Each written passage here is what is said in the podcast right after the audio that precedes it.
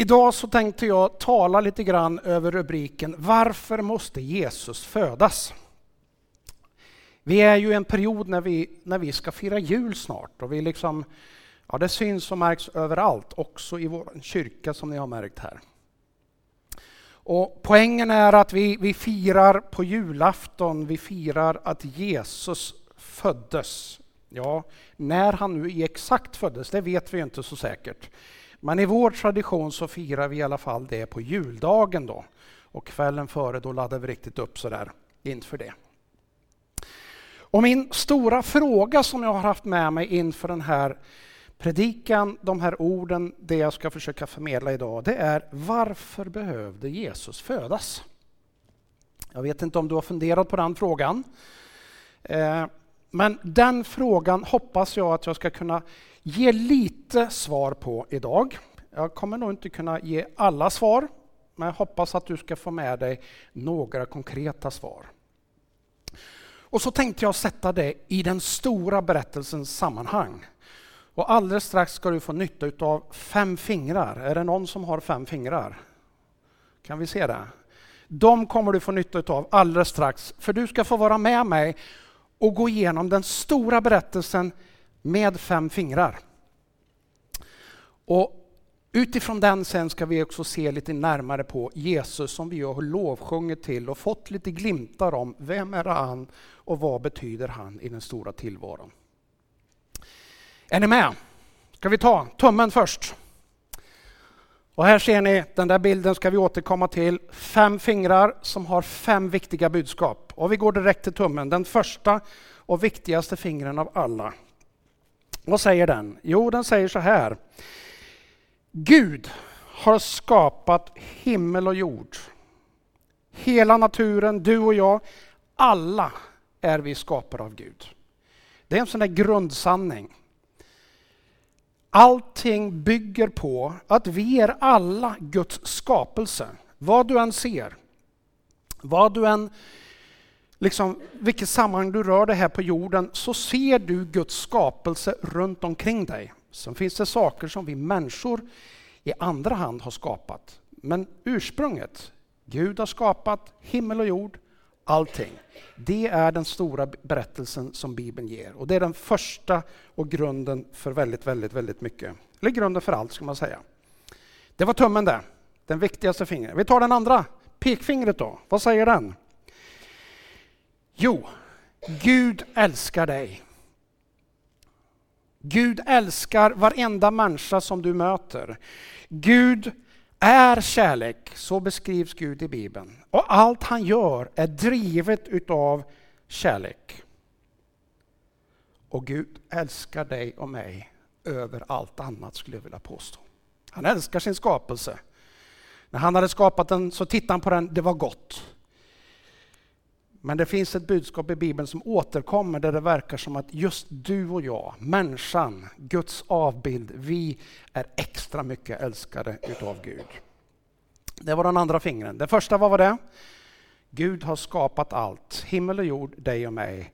Och nummer två, Gud älskar dig, han är kärlek och drivs av kärlek. Ska vi ta trean? Är ni med? Är ni med med era fingrar nu?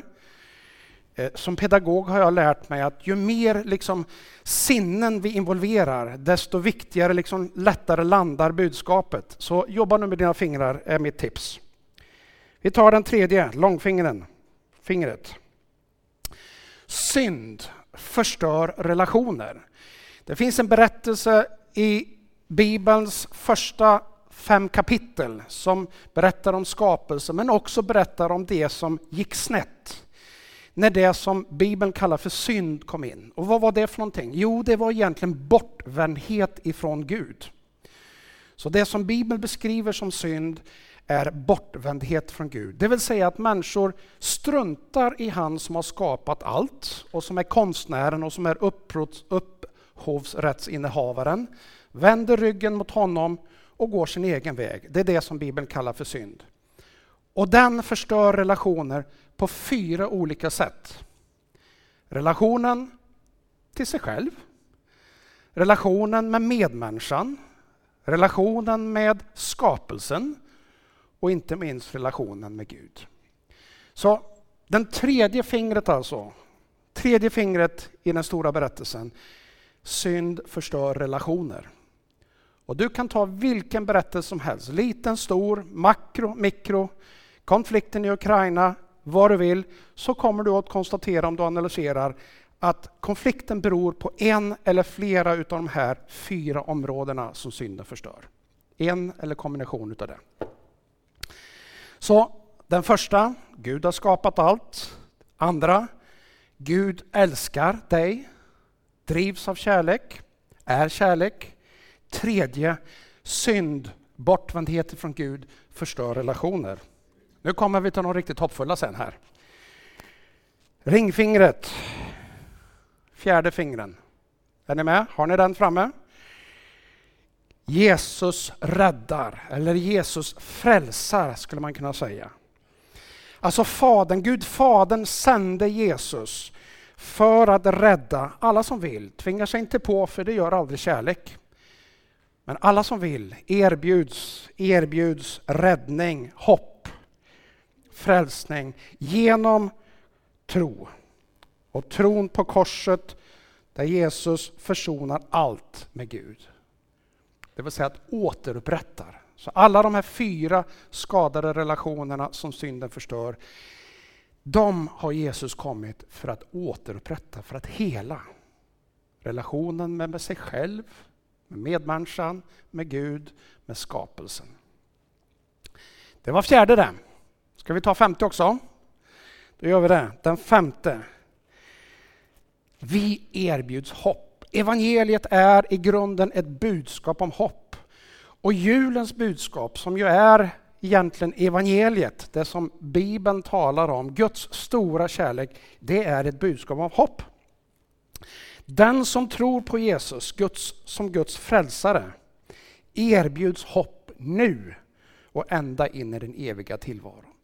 Det vill säga att är din situation mörk och hopplös nu, så finns det hopp för dig just nu. Är du i slutet av livet och liksom, nej, orken har tagit slut och snart så är det dags för dig att gå vidare. Då erbjuds du hopp in i nästa tillvaro, in i den eviga tillvaron. De fem viktigaste punkterna i den stora berättelsen. Gud har skapat allt. Gud är kärlek. Synden förstör relationer, men Jesus räddar och du och jag erbjuds hopp. Det här är den stora berättelsen. Om du inte kommer ihåg något annat ifrån den här gudstjänsten så skulle jag hoppas och önska att du faktiskt lägger de här fem punkterna på minnet. Dina fem fingrar har du ju med dig, eller hur? De lämnar du inte hemma när du är ute någonstans. Jag har märkt nämligen att ibland så hamnar vi, fastnar vi in i små detaljer och så fastnar vi på, ta ett exempel, hur kunde Jesus gå på vattnet? Det är ju märkligt, det kan väl aldrig vara möjligt? Ja, hallå där. Om han har skapat himmel och jord. Om Gud har skapat himmel och jord och så som vi ska läsa och som vi läste förut, Jesus var med när det gör. Vad är det för en deal att gå på vattnet? Ingenting. Det är ju lätt som en plätt skulle man kunna säga. Alltså den stora berättelsen är ganska viktig för oss att ha i huvudet. Jag tänker att den funkar för alla åldrar. Gammal som ung, liten som stor. Eh, så därför så vill jag tipsa dig att ha med den. Några utav er, är det någon som har fått, hittat en sån här liten lapp på bänken någonstans? Är det någon? Vifta med lapparna här får ni se. Jag har faktiskt kört ut några sådana här lappar. Om du nu har missat en sån här lapp, det är några som har fått chansen här. Om du har missat en sån lapp, de goda nyheterna är att det finns faktiskt där ute på ett litet bord, så då kan du få med dig en sån lapp hem. Det finns också möjlighet att få den digitalt om du vill ha den i din telefon. Och så. Den stora berättelsen. Och nu ska vi dyka in på texten och lite grann vad Jesus har för roll. Varför måste Jesus födas? Ska vi läsa den här texten igen? Den som vi hörde i början.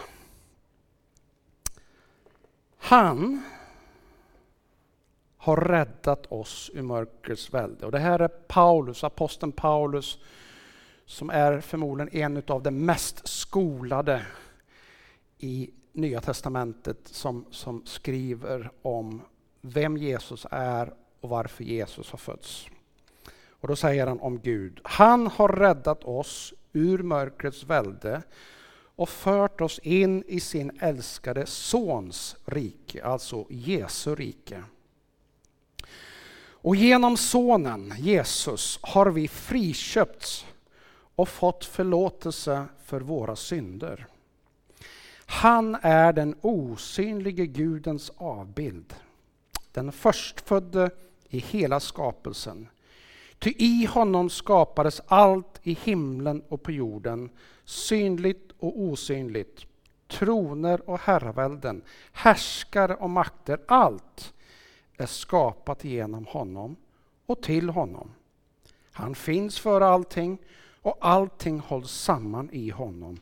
Och han är huvudet för kroppen, för kyrkan. Han som är begynnelsen, förstfödd från de döda, till att överallt vara den främste. Ty Gud beslöt att låta all fullhet bo i honom och att genom hans blod på korset stifta fred och försona allt med sig. Genom honom och till honom, allt på jorden och allt i himlen. Tredje advent skulle jag kunna ha valt. Jag skulle kunna ha valt att läsa en text ifrån Jesaja. Jesaja 9. Ett barn blir oss fött. I mörkret så ska det komma ljus. Ja, det finns många texter som jag skulle kunna ha läst. Men jag valde att läsa den här texten som på något vis sammanfattar och kopplar väldigt mycket till just den här stora berättelsen.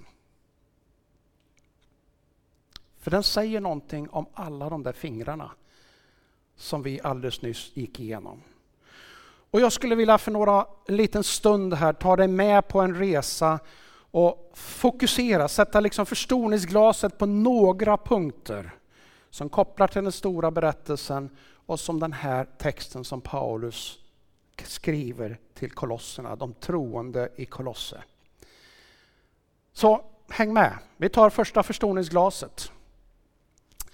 Allt är skapat i och för Jesus. Har du funderat på varför i alla kyrkor så finns det ett kors? Har du funderat på varför vi i princip i varenda gudstjänst så talar vi på ett eller annat sätt om Jesus? Idag har vi sjungit många sånger. Jag tror att alla sånger handlar om Jesus på ett eller annat sätt. Var det inte så? På olika sätt målade vi bilden av Jesus. Vem är han? Vilken plats har han? Hur kommer det sig? Ja, det är ingen tillfällighet. Vad är det budskapet säger? Vad är det Paulus fångar i den här texten? Jo, han säger att allt är skapat i Kristus. Det vill säga att han var med, det står i Johannes 1, han var med när allting skapades i första, alltså i första skapelseögonblicket. Han var med. Det är skapat i, genom Jesus, men också till Jesus. Och då tänker jag så här att ja, men, han måste ju då i skapelsens stora berättelse vara Ja, men finns det något större centrum än Jesus? Kan du se något större centrum? Om allt är skapat genom honom och till honom. Åtminstone kan inte jag se något annat. Så det är ingen tillfällighet att vi har ett kors som symboliserar Jesus och då vad Jesus gjorde på korset, det vill säga varför han kom hit på jorden. För det var ju inte så att han kom hit bara för att födas och vara ett litet gulligt Jesusbarn i en krubba ibland djuren och sådär så att vi skulle kunna fira det till jul. Nej, han hade ett större uppdrag. Men han kom helt sant i en väldigt enkel situation. Tänk dig, han som liksom har skapat allt, allt har skapats genom honom och till honom. Från den högsta positionen överhuvudtaget möjlig och så kommer han och så föds han i ett enkelt stall bland djuren. Vi bor inte bland djuren numera? Ja, det är klart, det gör vi kanske om vi har, om vi har ett husdjur, då, en katt eller en hund eller något annat. Då kanske vi bor tillsammans med dem. Men under många år så var det ju så att man bodde bland boskapen, bland korna, tillsammans med dem och på vintern var det ganska bra för att ja, man höll sig varm tillsammans. Jag har sett det själv i Afrika, där man bor tillsammans. Samma hus, en del, där står djuren och precis intill så sover människorna. Men det var inte därför han kom. Han kom för att han hade ett större uppdrag. Och det är märkligt då att han som hade den högsta positionen, allt är skapat i och för honom, ändå väljer han att låta sig födas i den enklaste enkla situation. Det säger någonting om den Jesus som vi följer, vi som kallar oss kristna. Vi som tillber, som går på gudstjänst i en kyrka. Allt är skapat för honom. Och Det betyder att om du liksom väljer att, att, att gå din egen väg och göra dig själv större och liksom i, i, frågasätta att Gud har skapat allting, då, då, då utmanar du hela universums centrum och den största, mäktigaste personen i hela centrum. Det kan du ju göra. Gud har ju tillåtit att det är möjligt att göra det. Men du kan ju fundera själv över hur framgångsrikt är det egentligen? Hur smart är det egentligen? Det kan du fundera på. Ska vi gå vidare till nästa förståningsglas? Gud har ju funnits och Gud är ju ett mysterium i en bemärkelse. I Bibeln så har vi Gamla Testamentet som säger olika berättelser på något vis om, om Gud. Men det är inte så lätt att fånga Gud. Vi försöker och jag är ju en av dem som gärna skulle vilja kunna beskriva Gud. Liksom fånga honom som i en liten ask och många är de som har gjort det. Men det går ju inte. Teologer försöker att liksom beskriva vem är Gud, hur är han, varför gör han si och varför gör han så och hur ska vi förhålla oss till det. Och allt det där är ju bra, men det är ju försök som kommer att misslyckas i den bemärkelsen att det är omöjligt att liksom fullt ut fånga Gud som har skapat himmel och jord, allting så fantastiskt och så mycket mer komplext än vad du och jag någonsin skulle kunna fatta. Men det spännande är ju när Jesus kom hit så blev han människa och som människa kan vi relatera till varandra. Jag kan lite förstå Jesus som en människa. Ungefär som du och jag kan förstå varandra. Därför att vi, liksom har, någon, vi har någon igenkänning. Någonting som är hemmavant. Jag vet vad det innebär att vara människa. Och Jesus kom och blev människa för att du och jag skulle kunna få en bild av vem Gud egentligen är. Det är därför som det är så oerhört viktigt att lägga tid och, och, och studera och se hur betedde sig då Jesus här på jorden? Ja, Johannes beskriver honom som full av nåd och sanning. Sanning och nåd. Det vill säga att han tvekade aldrig någon gång på vad som var sant. Det höll han fast vid. Men när människorna försökte trycka upp honom i ett hörn så lät han sig inte tryckas upp i ett hörn. Han hade blicken klar för sig. Vad är det jag behöver göra? Jag har kommit för att ge befrielse, för att ge nåd. Så för alla ödmjuka så var han full utav nåd.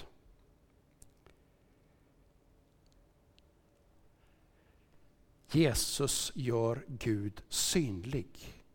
Och det är därför som om du inte läser något annat i Bibeln, om du inte sysslar med något annat, ja men syssla med Jesus. Därför att om du lär dig lite grann, lär, lär, lär känna Jesus, blir vän med Jesus, då blir du också vän med Gud. Ingen kan komma till Fadern utom genom Jesus, står det i skriften. Så Gud har blivit synlig. Det vill säga Gud i sin stora fullhet har blivit synlig genom Jesus som föddes hit och levde här som en människa. Synlig, det är det Jesus gör, Gud. Ska vi ta nästa bild? Allt hålls samman här är klurigt. Hur hänger det här ihop? Vi som har gått i skolan och vi som har läst vetenskapliga beskrivningar hur allting hålls samman. Jag vet inte om det är någon som i och för sig kan riktigt förklara hur allt hålls samman. För det är ju hela tiden temporära sanningar och hela tiden hittar man nya saker. Och kvantfysiken nu gör ju gällande att två partiklar på helt olika platser på jorden är å ena sidan oberoende av varandra och ändå vet de precis allt om varandra samtidigt. Det är ju ett mysterium. Det visste man inte för 10 år sedan eller 20 år sedan. Man hade lite teorier om det. Så verkar det som att det är så. Och tittar man i vetenskapshistorien så har det varit steg för steg. Atom vet ni, vet ni vad det betyder egentligen? Odelbar. Och den var ju inte så odelbar visade det sig senare. Så har vi brutit isär den till många olika partiklar. Vetenskapen har ju en förmåga att beskriva en hel del sanningar. Men jag tänker att man behöver ta det med ödmjukhet. Ja, absolut. Vi, vi, vi har all anledning av att beakta vetenskapen för den har fört oss framåt på många sätt. Men det är klart att det är inte så att vetenskapen ger alla svar. Och någonstans så måste du överlåta dig åt en tro. De som finns i liksom mellanskiktet utan vetenskap, de kan ibland vara väldigt självsäkra. Men ju duktigare eller ju skarpare forskarhjärnor du möter, desto mer ödmjuka förefaller de att vara inför de stora frågorna. Och man inser att ja, men vi har svar på en del frågor, men vi har inte svar på det allra mesta. Och då tänker jag att någonstans så kommer du till det läget där du måste överlåta dig åt att antingen tro eller att inte tro. Det som du inte själv kan kontrollera måste du tro på. Och I verkligheten är det ju så att det är väldigt mycket som inte du och jag begriper. Väldigt mycket du och jag inte förstår och så måste vi överlåta oss att tro på dem som vet lite mer. Och jag väljer att tro på den stora berättelsen i första hand. Och sen får de andra bitarna vara kompletterande. Att kunna ge ljus över delar och så vidare. Allt hålls samman i Jesus. Ja, egentligen är det kanske inte så konstigt, för om allt är skapat genom honom och till honom, varför skulle det då inte hållas samman genom honom? Och Det här är ju lite utmanande om vi tittar på vår tillvaro om vi tittar på världen. Din fråga kanske är, hur kommer det sig då att vi ser saker hända som det som händer i Ukraina just nu? Hur kommer det sig att vi ser svält drabba områden? Hur kommer det sig att vi ser olika saker av ondska? Ja, ta bort ljuset från ett rum, vad händer då? Har du prövat? Släck ljuset i ett rum. Då blir det mörkt, eller hur? Då är det mörkret som tar över. Är det inte det mänskligheten allt för mycket har hållit på med? Att försöka ta bort ljuset, Guds ljus. Och då får mörkret plats. Den här texten som vi läste så står det Han har räddat oss ur mörkrets välde. Man skulle kunna likna det vid att säga att där det var mörkt, där har han tänt ett ljus. Ett ljus så att vi ska se. Ett ljus så att vi ska kunna ha något att följa. Ett ljus så att vi ska kunna se lite längre. Ett ljus så att vi ska kunna leva, ta steg och vara i harmoni med det som var grundtanken. Allt hålls samman i Jesus. Vilken vacker tanke. Allt hålls samman. Hur många är vi här? Ja, vi är några stycken, men vi är långt ifrån majoriteten i Karlstad. Och jag skulle ju gissa att majoriteten i Karlstads befolkning är inte i en gudstjänst idag. Det är ju väldigt många som inte är det. Men det betyder inte att det här vi är del utav är en liten rörelse. Nej, det är den största rörelsen, största världsvida rörelsen just nu och genom hela historien. Det finns ingen annan rörelse som är beskriven någonstans som är större än Jesusrörelsen. Och det verkar vara en rörelse som inte går att stoppa. Och det är väl inte så konstigt egentligen, för att om allt hålls samman genom Jesus, slutligen, ytterst, så är det ändå Jesu namnet som vi tillber. Jesus Kristus som föddes och som har en så mycket större roll än vad vi kan ana om. En så mycket större roll än det vi ser när vi ser det lilla Jesusbarnet i krubban på julen. Allt har samman i Jesus. Det är i alla fall Bibelns stora berättelse. Ska vi ta ett förstoringsglas till? Det står i den här texten att Jesus förlåter synder. Ja, vad var nu en synd i grund och botten? Det har ju genom historien funnits olika försök av att beskriva och kategorisera handlingar och saker till det här är synd, det här är inte synd. Och en del människor ägnar sig åt att vad kan jag göra och ändå få komma till himlen? Vad är det för någonting som är okej, okay, som så att säga eh, inte stör relationen med Gud allt för mycket, men som ändå är lite spännande, ändå är lite roligt. Jag mötte senast i veckan en förälder som hade för mycket funderingar kring det. En tonårs, ett tonårsbarn som liksom verkade vilja utmana de där gränserna hela tiden. Ja, men du vet väl att jag kommer ju till himlen ändå, även om jag gör det och det. Jag vet inte om du har varit med om det, om du har hört det där eller kanske tänkt de tankarna. Jag har gjort det, måste erkänna det. Mina tonår så, så var det så. Jag tror att det kanske hör till den åldern också, att man vill liksom testa gränserna lite grann. Men med åren så har jag liksom kommit till insikt om att det är inte det som är det häftiga. Det är ju snarare mycket, mycket häftigare att hålla sig så nära som möjligt han som är alltings ursprung och som är liksom the big one, den stora, den liksom mest inflytelse och betydelsefulla personen i hela universum. Honom är det ju väldigt mycket mer spännande att hålla sig riktigt nära finns ju ingen, fal, det finns ingen säkrare plats. Man kan ibland fundera vad, vad, vad, vad, är liksom, vad är farligt och vad är inte farligt? Det finns ju ingen säkrare plats att vara på jorden än vara närmast han som sitter på den yttersta makten. Är det inte så? Och så har han kommit hit för att förlåta synder. Och synd, vad var det? Jo, det var just Guds bortvändhet. Att vara att göra saker som man liksom tar sig bort ifrån Gud. Jag skulle vilja säga det finns två typer av saker. Två typer av tankar, två typer av handlingar, två typer av beteende om man är väldigt grovt generaliserande. Det finns de som tar dig närmare Jesus. Och så finns det de som tar dig längre ifrån Jesus.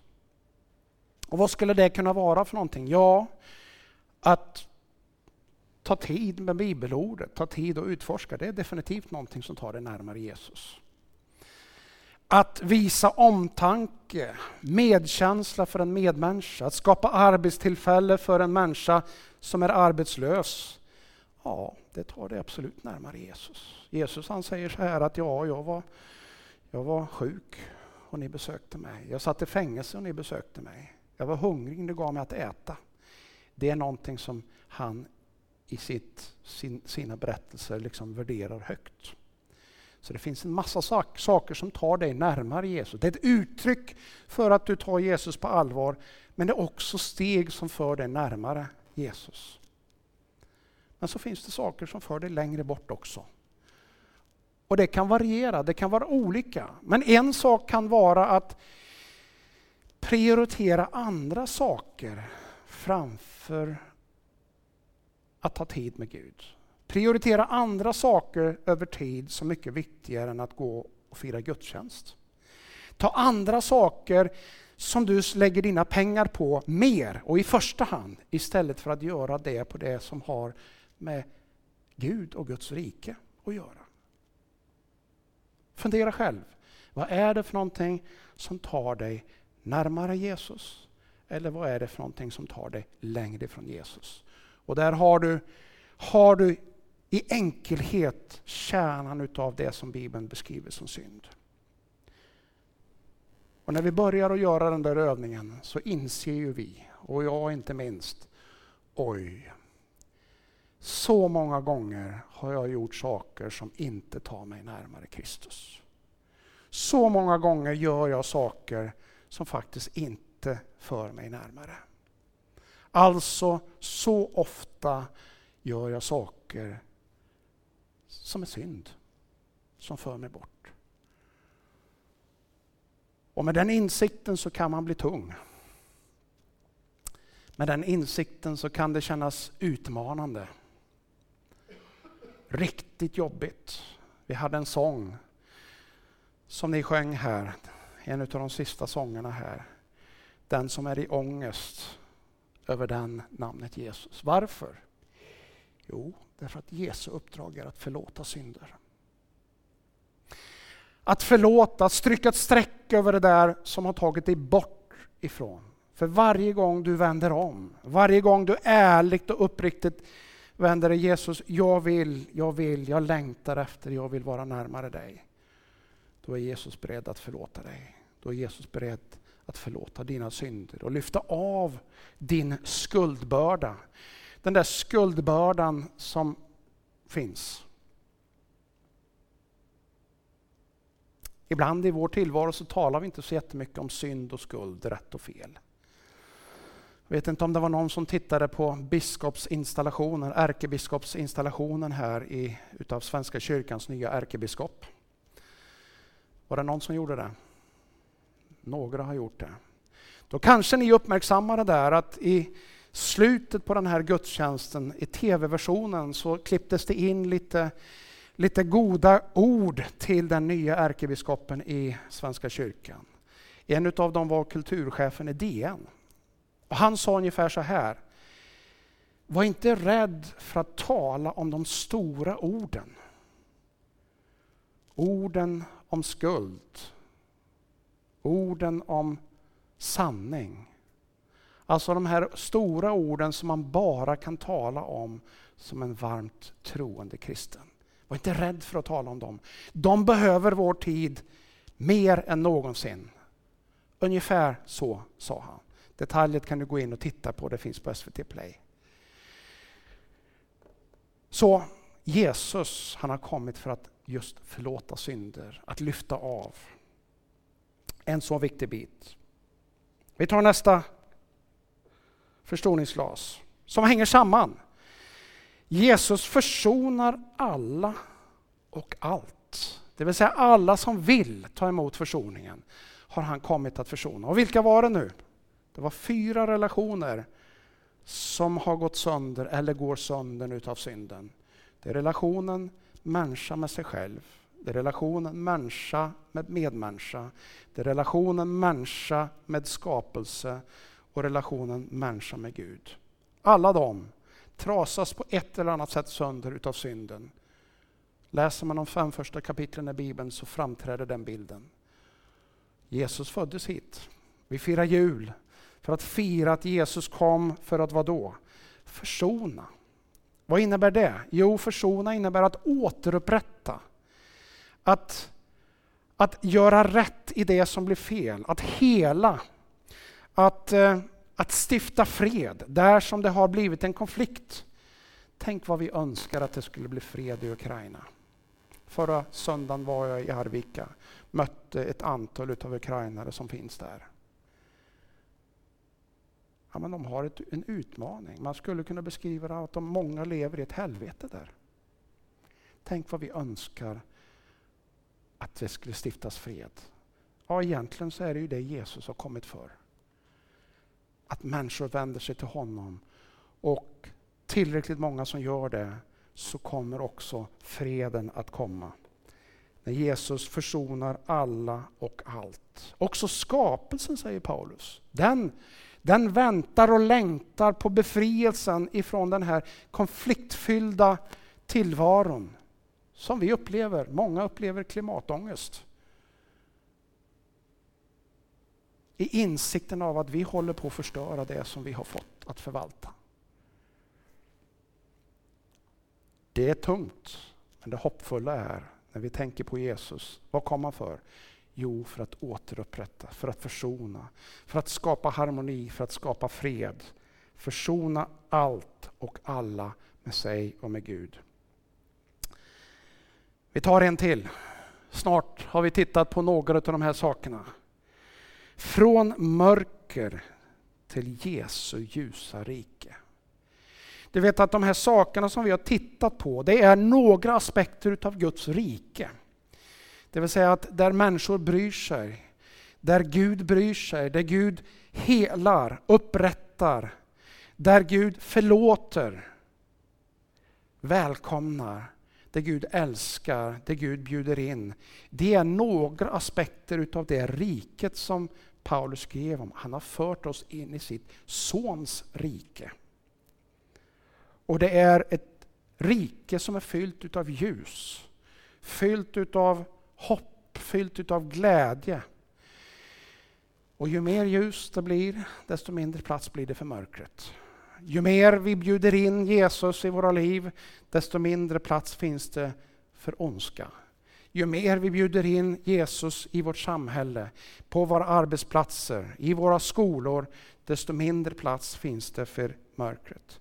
Ett rike som handlar om att gå från mörker till ljus. Att gå ifrån sorg och ångest till glädje och överflöd. Ska vi ta nästa också? Låt oss inte glömma Jesus är skapt. Han är till för att vara den främste. Den förstfödde, före allting.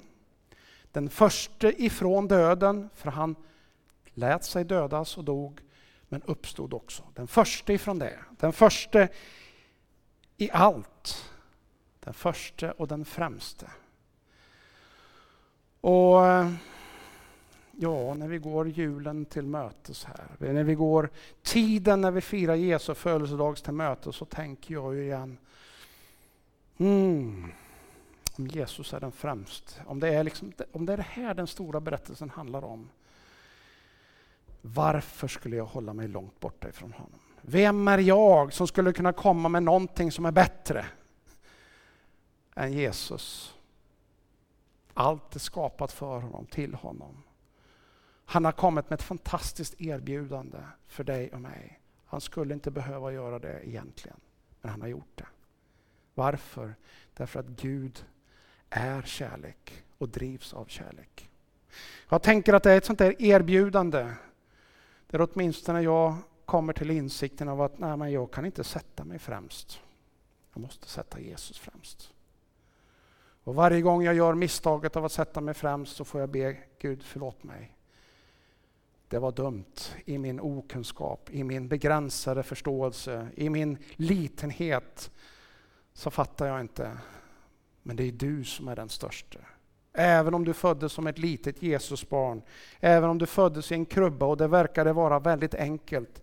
Den stora berättelsen säger något mycket, mycket större. Vi ska gå in för en och landning här. Jag vill bara skicka med en text ifrån Thessalonikerbrevet också. Där Paulus, samma person, samma författare som den förra texten säger så här. Må vår Herre Jesus Kristus själv och Gud, Jesus är ju också Gud, vår Fader som älskar oss och i sin nåd har gett oss evig tröst och säkert hopp uppmuntra, styrka er till allt gott i gärning och i ord. Snacka om grejer. Vilken julklapp. Evig tröst. Säkert hopp. Alltså säkert hopp det är någonting som man kan lita på i alla väder. Oavsett hur omständigheterna ser ut. Och det är inte bara här och nu utan det är liksom ända in i evigheten, ända in i det himmelska. Det är egentligen det här, den stora berättelsen. Ta nästa bild, den stora berättelsen som vi började med här. Den här som du har fått med dig, fem fingrar. Första, Gud har skapat allt.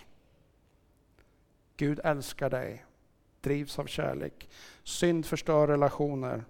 Jesus räddar. Vi erbjuds hopp. Du erbjuds hopp här och nu och ända in i evigheten. Det är det här jag har försökt att säga någonting om. Och speciellt Jesus in i det sammanhanget. Och frågan som jag vill skicka med dig nu när lovsångarna kommer fram och leder oss i en stund av tillbedjan och, och så här. Det är, vad vill du göra med den här stora julberättelsen i ditt liv? Vad vill du göra med den? I den här tiden utav advent, i den här tiden utav julfirande, i den här tiden i avslutningen av det här året och i tankar inför nästa år. Vad vill du göra med den berättelsen? Ja, du skulle ju kunna gå härifrån och tänka att ja, det var väl en intressant predikan. Du skulle också kunna ta med dig den där berättelsen på dina fem fingrar här. Berätta den för någon som behöver höra den stora berättelsen. Sprida lite ljus, lite hopp. Du skulle själv kunna överlåta dig ett steg till, eller kanske för första gången. Du skulle kunna göra så mycket mer. Fundera över det.